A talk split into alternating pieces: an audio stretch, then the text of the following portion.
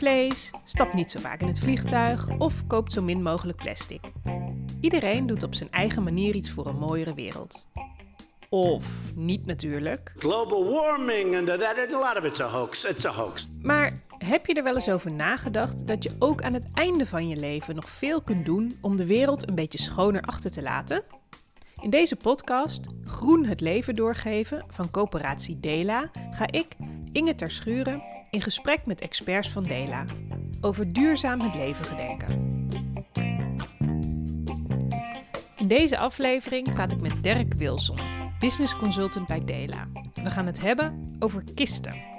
Heb jij er wel eens over nagedacht wat voor kist je wilt bij je uitvaart? En hoe duurzaam dat dan is? Eigenlijk iets waar je nooit over praat, toch? Dirk denkt er wel over na en hij weet bijna wat hij wil.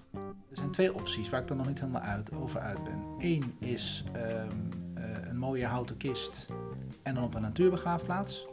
Of uh, een draagbaar in een um, composteerachtige situatie die nu nog niet bestaat.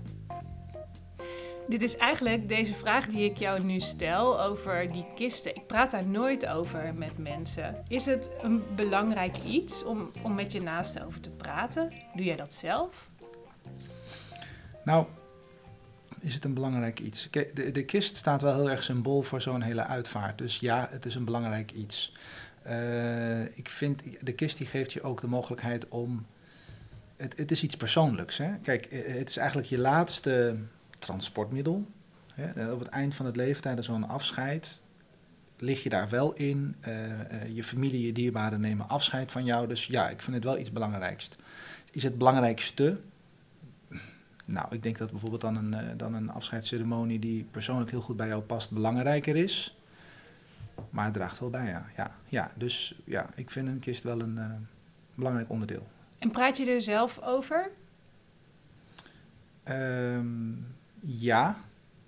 Um, maar als ik het even gekeken, uh, professioneel gezien praat ik er heel veel over. En privé heb ik het er wel over. Maar het is niet iets wat ik dagelijks bij de koffie bespreek. Maar uh, mijn ouders die zijn natuurlijk wat ouder. Um, daar, ik heb bij hun wel eens, ja, daar, heb ik het ook meer over hun uitvaartwensen. Wat, wat willen mijn ouders eigenlijk? Ja, dat, dat ben ik wel actiever op gaan halen. En dan heb ik het ook over de kist. En ik heb het ook wel eens met vrienden over. Maar dan niet alleen specifiek over de kist, maar gewoon puur over hoe zou jij afscheid willen nemen? Of wat vind jij belangrijk voor jouw uitvaart? Meer dat soort vragen dan specifiek over een kist alleen. Dat is een beetje vreemd natuurlijk. Hè? Ik kom even binnenvallen van, goh, hey. Ja. Hou je van een cappuccino of een flat white? Of uh, wil je een uh, massief houten kist of wil je spaanplaat? Ja, dit is al een beetje een... Uh... ja, toch? Dat is niet iets wat je, wat je heel nee. natuurlijk met mensen bespreekt. Nee, nee En kun je mij vertellen wat jij binnen Dela doet? Um, ik, ik vind dat ik een hele leuke baan heb. Laat ik daarmee beginnen. Uh, en dat klinkt misschien niet uit de titel business consultant. Wat doet een business consultant dan? Uh, consultant verklapt wel een klein beetje, uh, adviseur. Um, maar ik ben eigenlijk dan in Nederlands, wat mij betreft, een adviserende projectmanager. Dus ik, um, als bijvoorbeeld er een nieuwe kist gekozen moet worden voor Dela, dan word ik gevraagd om daar vanuit mijn expertise bij mee te denken uh, en het project vorm te geven. Want het is natuurlijk niet dat je zomaar een nieuwe kist hebt. Je moet de kist uh, kiezen, uh, je moet een leverancier kiezen. Je moet dan de kist gaan kiezen op basis van wat voor materiaal is er voor gebruikt. Je moet kijken naar, um, naar wat vinden mensen belangrijk. je moet kijken naar, voldoet die kist aan onze kwaliteitseisen al dat aspecten, dat, dat zijn heel veel onderwerpen die uh, geraadpleegd moeten worden. Nou, een projectmanager is dan verantwoordelijk voor een succesvol resultaat. Dus als er uiteindelijk een goede kist staat, heeft de projectmanager het goed gedaan. Dus ik heb dat, die verantwoordelijkheden heb ik.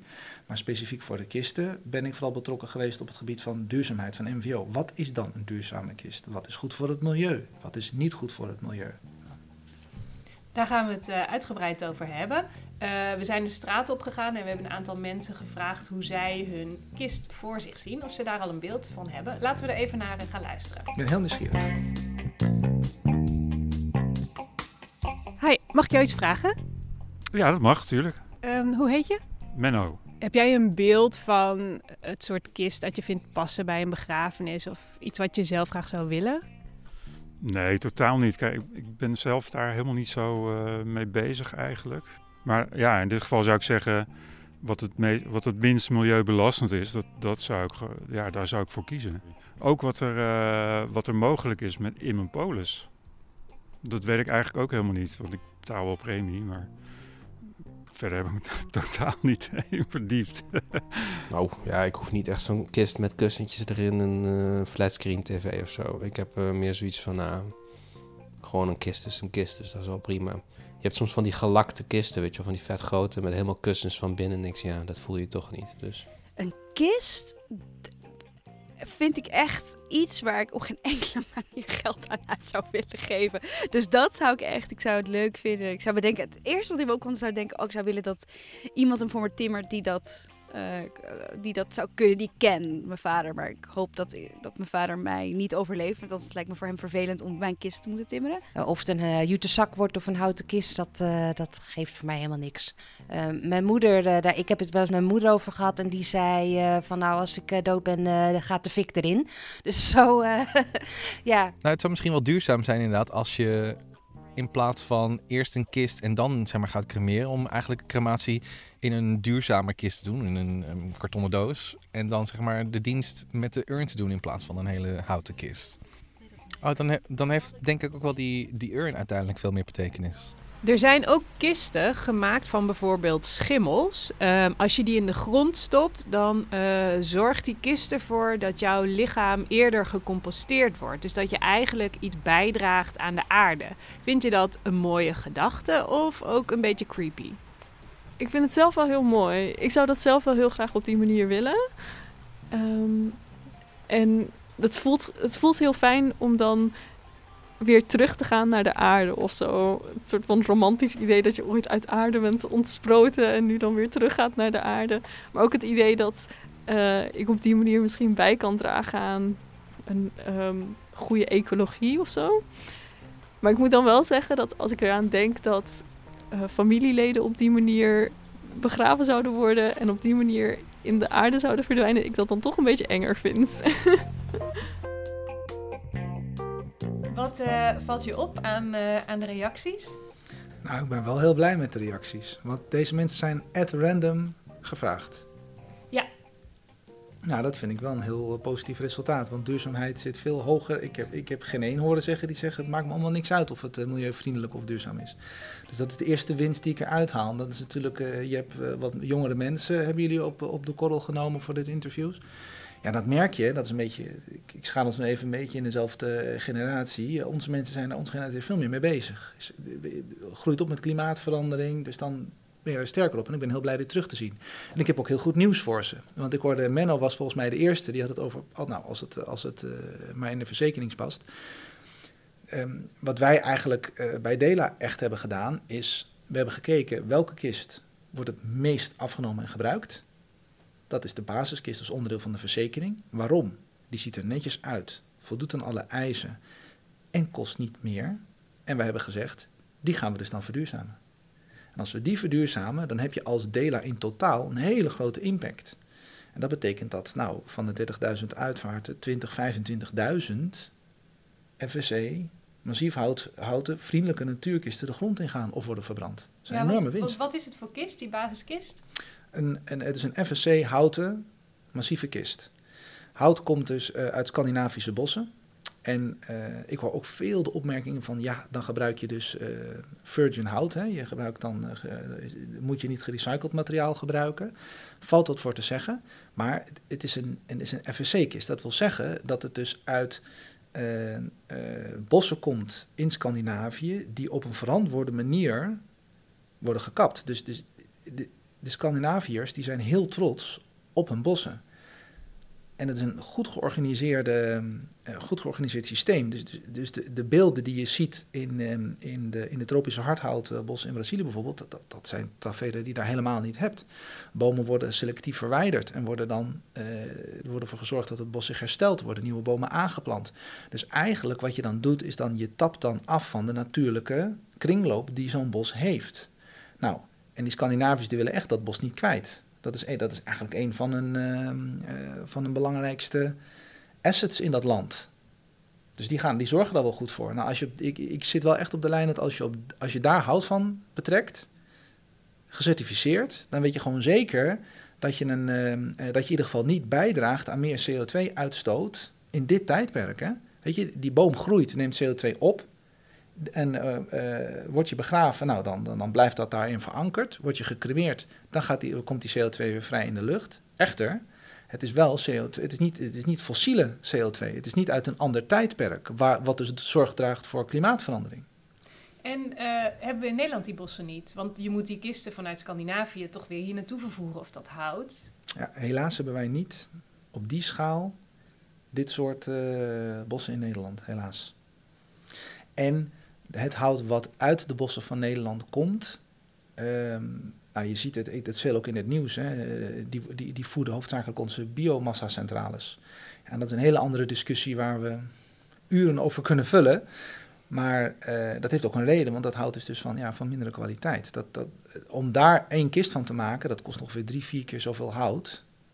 Omdat je dat moet verzagen, er moeten planken van gemaakt worden. Ja, dat is een, uh, en je rijdt binnen Nederland vaak heel vaak heen en weer. Hè. Daar is het allemaal ge georganiseerd en gecentraliseerd. Dat is een heel efficiënt, ook, ook qua transportbeweging, een systeem. Dus er komen daar bijna kant-en-klare planken die gaan van Scandinavië naar Duitsland. Daar worden het platen en die komen naar Nederland en worden getimmerd in een kist en komen dan bij ons terecht. Dus dat is een rechte lijn. Als je zo'n transportlijn uitstippelt in Nederland, dus je gaat dan vier keer zoveel hout uit, uit een bos kappen, dat ga je dan ergens anders in Nederland heen brengen om te laten drogen. Dan weer ergens anders in Nederland ga je dat verzagen. Dan weer ergens, ja, dan de hoeveelheid kilometers. Ik vraag me af wat uh, efficiënter is. En je zei net, we hebben die uh, basiskist duurzamer gemaakt. Dat ja. hebben je in 2019 gedaan, hè? Is, ja. ja. En op welke manier uh, heb je die duurzamer gemaakt? Wat is er veranderd? Nou, wat, er zijn twee dingen die wel echt een, uh, en ik wil gekscherend zeggen, een doodzonde zijn in, onze, in, in, in de kistenbranche. En dat is, um, um, als je kijkt naar de milieu-impact, de binnenbekleding van uh, kisten uh, is traditioneel gemaakt van, van, dat noemen ze dan satijn, maar dat is dus polyester. Nou, dat is dus op basis van aardolie. Nou, iedereen kan bedenken, als je dat dus begraaft, dat vergaat niet. Los van het feit dat het heel veel energie heeft gekost om dat enerzijds op te pompen en te verwerken tot polyester. Er gaat enorm veel energie in, uh, in om. Uh, ten tweede was de bak, uh, dus het hout wat gebruikt wordt, is spaanplaat. Nou, spaanplaat um, is een materiaal wat gemaakt is van een reststroom van hout, wat op zich, of, of virgin hout, hangt een beetje vanaf, houtsnippers. Dat, dat is helemaal niet zo gek, hè? dat is echt wel een goede, nee, maar het wordt verlijmd. En dan wordt er een, een, een UF, UR-lijm voor gebruikt. Ja, en die stoot formaldehyde uit. Maar ook die lijm is in basis weer op basis van aardolie. Dus heb je weer diezelfde cyclus. Heeft heel veel energie gekost om dat te maken. En uh, het is niet milieuvriendelijk. Als je het begraaft in de grond, vergaat het wel. Dan gaat er wel echt, echt uh, uh, decennia overheen voordat dat vergaat. Maar het is natuurlijk niet een, een, een duurzaam proces. Dus die spaanplaat is eruit? Ja. En de binnenbekleding is vervangen door ongebleekt katoen. Natuurproduct vergaat. Uh, ik heb wel de wens, want de kritische luisteraar en de MVO-kennissen uh, onder ons, die zullen zeggen, ja, maar katoen is ook niet zo'n goede materiaal voor de binnenbekleding. Nou, als ik het uitstippel, als ik het afzet tegen polyester, is katoen hands-on beter. Maar je kan beter biologisch katoen kiezen, want dan wordt er minder water gebruikt. Hè? Dan is er minder bestrijdingsmiddelen zijn er dan voor nodig. Nog beter zou zijn hennep of vlas. Nou, absolute focus om dat natuurlijk ook te gaan realiseren. Maar katoen was de hoogst haalbare, ongebleekte, let dat wel, ongebleekt katoen was de hoogst haalbare stap nu, binnen zo'n basispakket. En als je het hebt over duurzaamheid, um, hou je dan bijvoorbeeld ook rekening met mensenrechten? Uh, hoe het er aan toe gaat op katoen, katoenplantages? Ja, exact, exact. Kijk, dat is één. Ik had het al over het hout komt uit Scandinavië. Ja, die hele lijn is bij ons bekend. Dat noemen ze dan de chain of custody. Dus wij weten gewoon zeker dat, daar, dat de mensenrechten dat er helemaal, helemaal snor zit. Um, dat gaat ook voor het katoen wat we gebruiken. Um, en um, ja, dat. Wat, wij, wat ik wel heel hoe, leuk... Hoe doe je dat dan bijvoorbeeld bij katoen? Hoe, hoe kan je dat helemaal in de gaten houden, die lijn? Katoen is wel lastiger, maar je kan natuurlijk altijd uh, vragen naar, uh, naar referenties. Hè? Waar komt de katoen vandaan? hoe is het verbouwd?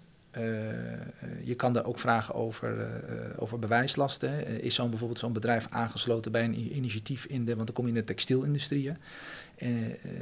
Bij, in de textielindustrie zijn ze bijvoorbeeld aangesloten bij het Convenant Duurzame Textiel van de SER. Nou, allemaal dat soort vragen kan je stellen. En daar checken wij op of die leverancier daaraan voldoet. En komt die katoen ook uit Europa? Nee, nee, katoen is, het wordt wel allemaal verwerkt en genaaid in Europa. Maar eh, de katoenplantages, eh, veel India, eh, Pakistan, Turkije ook wel in bepaalde mate. Maar daar kan je me niet Ja. op vastpinnen. Nee, precies. Maar dat is, lijkt mij moeilijker om dan in de gaten te houden. Je hoort zoveel over misstanden in Indiase eh, kledingfabrieken. Ja, maar het is, wel goed, ja, het is wel goed dat je deze nog wel aangeeft. Want ehm, eh, onze katoen komt dus niet uit die kledingfabriek. Want het woord zegt het al, hè? Je hebt, die maken kleding. En katoen is natuurlijk... Wij krijgen lappen stof binnen, of onze leverancier krijgt lappen stof binnen. Die worden vernaaid in Europa tot iets wat in zo'n... Eigenlijk in Nederland zelfs trouwens, tot wat in de kist kan. Dus dat is een andere... Dat is een overzichtelijkere eh, handelslijn, wil ik bijna zeggen, dan eh, de kledingindustrie in, eh, in India. Die duurzame basiskisten hebben jullie dus sinds 2019. Eh, en alle kisten waar eh, spaanplaat nog in verwerkt zit, die gaan jullie nu niet meer gebruiken, toch? Ja, we hebben recent hebben wij ehm, alle spaanplaatkisten vervangen in onze collectie, dus door FSC houten kisten. En is die eh, kist, nu die verduurzaamd is, daardoor ook duurder geworden? Dat is wel een van de grootste, ik zeg het misschien wel heel neutraal, maar dat is natuurlijk wel een van de grootste winsten. Dat, dat het is ons gelukt om de kist te verduurzamen binnen het huidige verzekeringspakket. Dus er is geen prijsstijging aan te pas gekomen. Het is heel belangrijk om te kijken naar de duurzaamheid van een kist. Maar een kist, hè, eh, Menno zei het, maar helaas heb ik de andere me- mensen niet gehoord in het interview, of geen namen vast eh, gehoord, maar ik heb het een aantal keer gehoord, was ehm, de kist moet, het moet er gewoon netjes uitzien.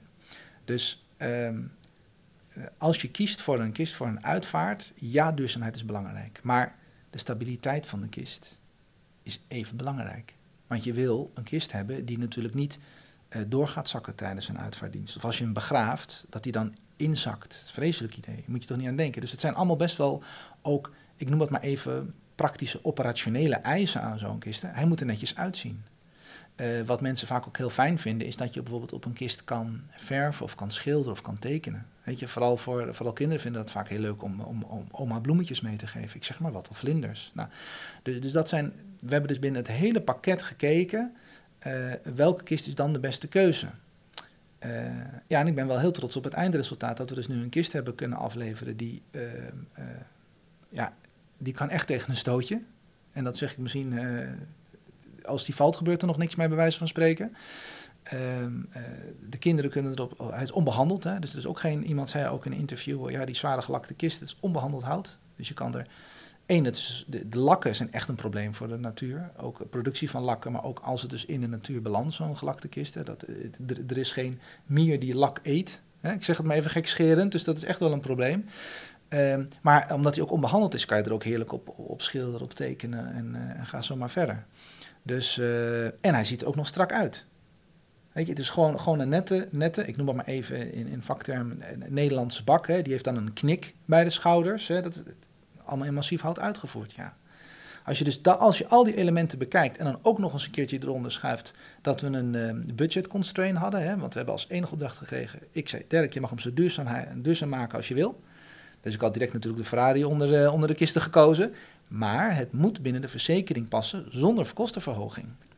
En uiteraard iedereen, iedereen die mij nu hoort praten en iets weet over, eh, over onze branche, snapt dat een massief houten kist duurder is dan een spaanplaatkist. Want het is natuurlijk niet zonder reden dat elke IKEA-kist, of elke IKEA-kast, sorry, of elke IKEA-keuken, of bijna elke keuken eigenlijk, van spaanplaat is gemaakt.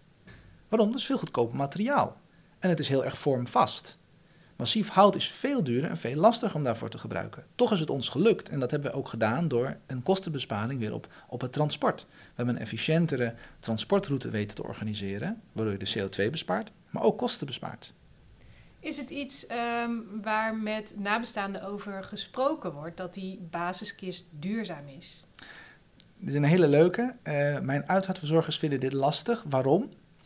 Ehm, Vroeger konden ze heel duidelijk uitleggen, we hebben een mooie standaard basiskist, maar als u voor duurzaamheid wil kiezen, dan kunt u bijvoorbeeld een mooie Greenleaf kist kiezen. Prachtige kisten die we ook in het Wat is assortiment dat, een hebben. Greenleaf kist? Eh, Greenleaf is een eh, initiatief ehm, eh, speciaal voor de uitvaartbranche, van en door de uitvaartbranche. En Greenleaf heeft richtlijnen opgesteld. Die heeft gezegd, wil je een duurzame, milieuvriendelijke kist, dan moet een kist aan een aantal regels voldoen. Bijvoorbeeld massief hout eh, eh, is, een goede optie. FSC-hout moet het dan natuurlijk zijn. Eh, de voorkeur voor binnenbekleding mag zeker geen polyester zijn. Nou, hennep, vlas, nou, dat, dat, dat soort eisen. Dat, dat zo min mogelijk ijzergebruik in de, in, de, in de verankering, de stabiliteit van de kist. Nou. En een Greenleaf kist wil zeggen, die voldoet aan al die richtlijnen die Greenleaf opstelt. Die kisten zijn natuurlijk duurder. Want het is natuurlijk veel duurder om zo'n kist te maken. Het is een kleinere oplage. Het, bijvoorbeeld een van de Greenleaf eisen eh, is ook dat het Nederlands hout is die daarvoor gebruikt wordt. Nou, dat, dat stelt echt wel eisen aan zo'n eh, zo'n kist. Maar uitvaartverzorgers konden dat verkopen omdat we natuurlijk daartegenover in het pakket een spaanplaat hadden met een polyester binnenbekleding. Wat ik nu terughoor is dat uitvaartverzorgers zeggen, ja, we hebben nu de Spar Massief, zoals die dan heet. Dat is ook FSC-kist, onbehandeld hout. En ja, ik kan de discussie misschien wel starten op basis van de binnenbekleding. Maar ook dat, wij gaan natuurlijk ook daar ruimte voor creëren. Wij gaan natuurlijk ook ervoor zorgen dat die binnenbekleding te wisselen is. Ja, dus, dus, dus uitvaartverzorgers hebben het nu iets lastiger om een duurzame kist te verkopen. Omdat bijna het hele assortiment is nu duurzaam.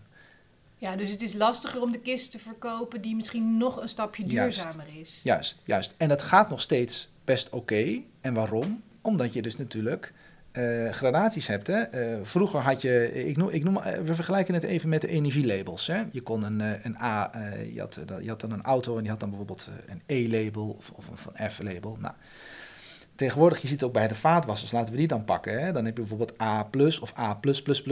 Nou, in het delen assortiment is alles A. En kies je een Greenleaf kist, dan zit je op A fantastisch, hè? En dat is voor bepaalde mensen al heel, heel, heel fijn. Mijn doelstelling was om het hele eh, delenassortiment A te krijgen. Maar betekent dat dan ook dat je die eh, traditionele gelakte kist met eh, polyester, zijdeachtige binnenbekleding niet meer aanbiedt? Niet actief.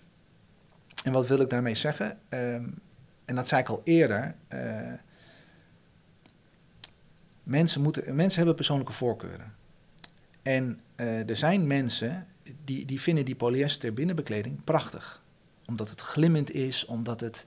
Ja, en die vinden bijvoorbeeld een wit gelakte kist met zo'n witte binnenbekleding. In zat, ja, die vinden dat heel mooi.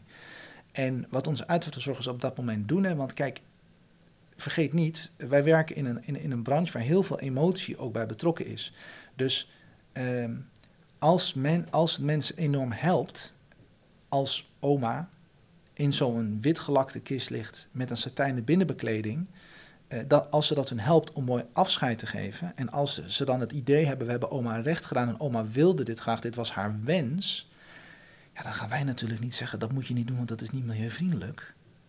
Kijk, en onze uitvaartverzorger stipt dat aan. En ik kan bijvoorbeeld ook aanbieden, we hebben de Spar Massief, eventueel kunt u die kleuren. Weet je, dus, dus er wordt wel gezocht naar opties. Maar ja, de wens, het, is, het moet wel een mooi afscheid zijn. En als die mensen zo'n nadrukkelijke wens hebben, gaan we dat niet verbieden. Wij zijn natuurlijk niet de politie. En als je helemaal de andere kant op gaat, niet eh, de pracht en praal, maar juist een kartonnen kist. Je hoorde in het straatinterview, hoorde je dat Sander ook zeggen. Kun je iemand niet in een kartonnen kist verbranden en dan de kist zelf bijvoorbeeld hergebruiken? Karton, ik, een kartonnen kist kan duurzaam zijn. Maar dan gaat het weer. Wat is je basismateriaal? Is het allemaal gerecycled papier en karton als basis? Dan kan die kist niet goed in de oven. Waarom? Omdat er dan vaak veel kalk in zit. Mensen weten dat niet, maar in papier zit vaak heel veel kalk, zodat je er lekker op kan schrijven en kan printen en kan tekenen. Ja, als dat dus dan in een oven komt, kalk, brandt niet zo goed. Dus dan heb je dus daar een probleem in die lijn. Dus, dus om Sanders vraag te beantwoorden, uh, hij kan het beste een mooie, massieve, onbehandelde houten kist kiezen, omdat het een hele natuurlijke, goede verbranding heeft, bijdraagt aan, aan, aan, aan gasreductie. Hè? We hoeven minder gas erin te doen, omdat, omdat die kist helpt met een mooie verbranding, dan dat hij daar een kartonnen inkist doet. Maar dat zeggende, ik wil niet zeggen dat een kartonnen kist niet kan gebruikt kan worden. Als het een ander type karton is, waar dus wel wat meer virgin materiaal in zit, en waar ook goede lijm voor zorgt ervoor zijn gekozen om dat te verlijmen. En als die kist voldoende draagvermogen heeft, hè, nou, dan ga je dat hele riedeltje wat ik al eerder afnoem, dan kan het echt wel een goede optie zijn. Maar technisch gezien heet dat de colorische, de waarde van de verbrandingswaarde van een kist. Hè. Massief hout is natuurlijk uh, onverslaanbaar op dat vlak. En jij zei zelf aan het begin van het gesprek, uh, ik zou wel zonder kist uh, begraven Niet gecremeerd, ja, begraven. Ah, kijk, daar zit het Juist. hem in. Daar Juist. zit het hem in. Juist. Want wat, wat, waar moet ik dan bijvoorbeeld aan denken? Joline zei, uh, doe maar een jute zak. Ja, nee, ik zou, nou, dat zou best, dat zou best een goede optie zijn. maar om die vraag te als ik zou kiezen om gecremeerd te worden, dan wil ik altijd een mooie, houten, massieve, onbehandelde kist hebben.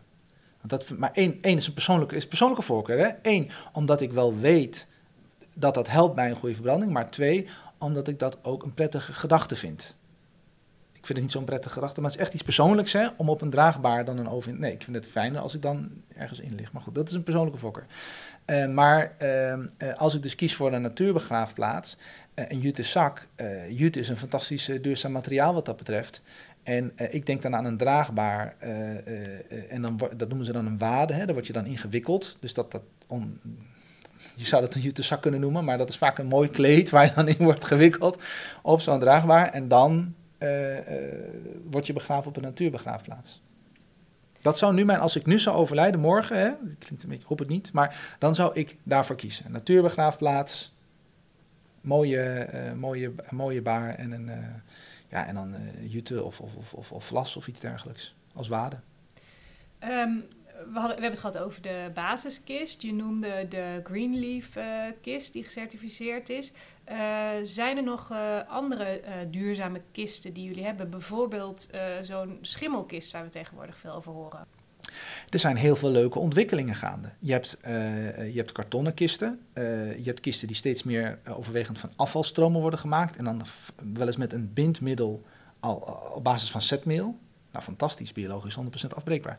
En schimmelkisten. Je hebt ook een variant die nu, uh, die nu aan de weg aan het timmeren is. Je hebt vaak nog wel een houten frame nodig voor goed draagvermogen. Maar dat zit in een mal. Dan doen ze daar grassoorten bij. En dan creëren ze een milieu waar een schimmel goed in kan groeien. En dan krijg je een best, best sympathieke bak. En die bak heeft als voordeel dat die, als je die, die bak begraaft, die bak vrij snel vergaat in de natuur. Zelfs sneller dan een massief houten kist. Maar ik vind het wel belangrijk om uit te wijzen dat die bak zo'n schimmelkist draagt niet bij bij het composteringsproces van het lichaam. Daar zijn andere bacteriën, andere schimmels, zelfs insecten bij nodig. Dus dat vind ik wel een belangrijk verschil. Uh, maar een heel sympathiek uh, initiatief. Tot slot uh, nog even een blik op de toekomst. Hoe ziet wat jou betreft de ideale duurzame kist in 2050 eruit? Ja, mijn droom zou dus zijn dat, um, dat in 2050 iedereen wordt gecomposteerd. In een natuurbegraafplaats. Maar die natuurbegraafplaats, ik weet dat de mensen nu zeggen: nee, Dirk, wat zeg je nu? Weet je, onze Nederlandse natuur vol met, uh, vol met Nederlanders die overleden zijn, dat willen we niet hebben. Klopt. Dus het moet ook niet zo zijn uh, uh, dat je het ziet. I ik denk bijvoorbeeld. Nou, helemaal 2050 zeg je, dus ik ga dromen. Denk aan een, aan een, aan een natuurgebied annex stadspark waar dus herinneringen, herinneringstuinen zijn, waar dus uh, uh, uh, mensen op een, op een gecomposteerd worden, één worden met de natuur, bijdragen aan die mooie plek daardoor. Dus weer echt dan, nou, dan zit je wel, maar, dan, maar ook dus een bezinningstuin, hè, herinneringsbezinningstuin. Je kan daar dus dan ook heen om, om, om tot rust te komen, na te denken. Dus ik denk dus niet aan een stadspark waar een festival wordt georganiseerd. Sorry jongens en meiden. maar ik denk dan echt wel meer aan een, aan een natuurpark, bosgebied, stadspark, ja, waar je echt wel, uh, wel tot rust kan komen. En waar mensen ook gewoon, als ze gewoon echt heel erg hun dierbare missen, heen kunnen gaan en weten, uh, oma is onderdeel geworden van deze natuur hier. Ja, dat, dat, dat zou ik heel mooi vinden. 2050, dus dan mag ik dromen. Precies. Dankjewel. Graag gedaan.